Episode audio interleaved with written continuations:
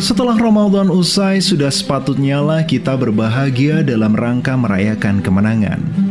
Kemenangan karena kita telah berhasil mengalahkan hawa nafsu selama satu bulan berpuasa.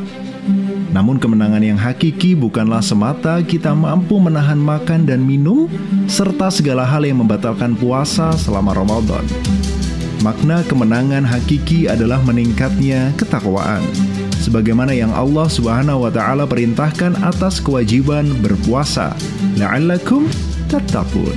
Agar kamu bertakwa. Artinya, setelah kita digembleng sebulan penuh mengerjakan puasa dan segala amal ibadah di bulan Ramadan, hendaknya kita menjadi semakin bertakwa. Caranya tak lain adalah dengan menjalankan perintah Allah Subhanahu wa taala dan menjauhi larangannya secara total dalam segala aspek kehidupan.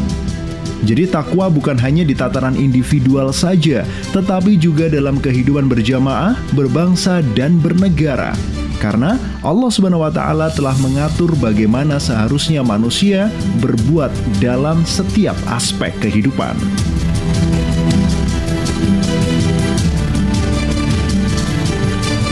Dengan keimanan dan ketakwaan yang totalitas, Rasulullah Shallallahu Alaihi Wasallam dan para sahabat radhiyallahu anhum telah memberikan contoh dengan mengubah masyarakat Arab jahiliyah menjadi masyarakat Islam yang unggul.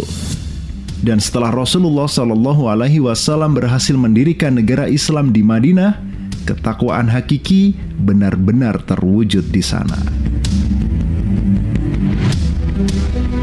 Berbeda halnya dengan saat ini, kondisi umat Islam sejak runtuhnya khilafah pada 1924 hingga sekarang sangatlah menyedihkan.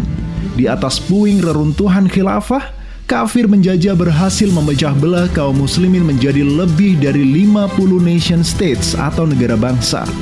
Mereka dijajah secara ideologis dan sistemik. Sebagian negara bangsa tersebut menerapkan sistem kufur kerajaan dan sebagian lainnya menerapkan sistem kufur demokrasi. Semua rezimnya bila tidak menjadi antek adidaya kapitalis, ia menjadi antek komunis. Belum lagi kalau kita bicara tentang penderitaan kaum muslimin yang menjadi minoritas di berbagai negeri, jauh dari kata aman dan sejahtera.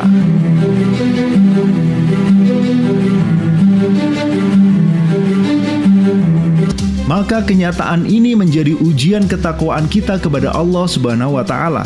Apa yang harus kita lakukan untuk membuktikan ketakwaan kita kepadanya?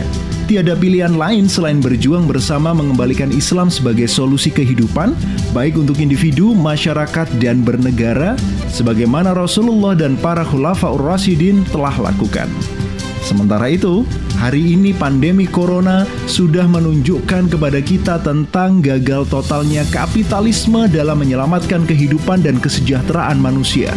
Maka dari itu, untuk menghilangkan kezaliman dari masyarakat, kapitalisme harus dicampakkan dan tatanan kehidupan harus dirombak secara menyeluruh dan diganti dengan sistem yang mewujudkan keadilan.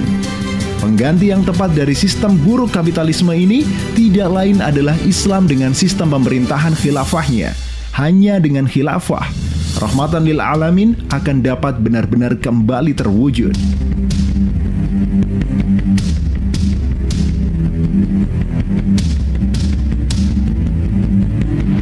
Tinggal sekarang pilihannya, kita mau berjuang atau sekedar berdiam diri. Tapi ingat, perubahan hanya akan terjadi ketika ada keinginan untuk berubah. Sebab Allah Subhanahu wa taala tidak akan mengubah keadaan suatu kaum kecuali mereka mau mengubah apa-apa yang ada pada diri mereka sendiri. Dan bahwasanya Allah akan menolong mereka yang mau menolong agama Allah juga, bukan karena Allah lemah, tapi sekali lagi, ini adalah ujian ketakwaan kita kepada Allah. Saksikanlah, sudah berapa banyak Ramadan terlewat dan kita merasa menjadi orang yang menang. Namun di satu sisi perintah dan larangan Allah malah dicampakkan. Mau ditaruh mana muka kita nanti di hadapan Allah? Jadi, pilihan bagi seorang muslim saat ini adalah ikut berjuang sekuat tenaga atau jangan ikut menghalangi perjuangan ini. Siap?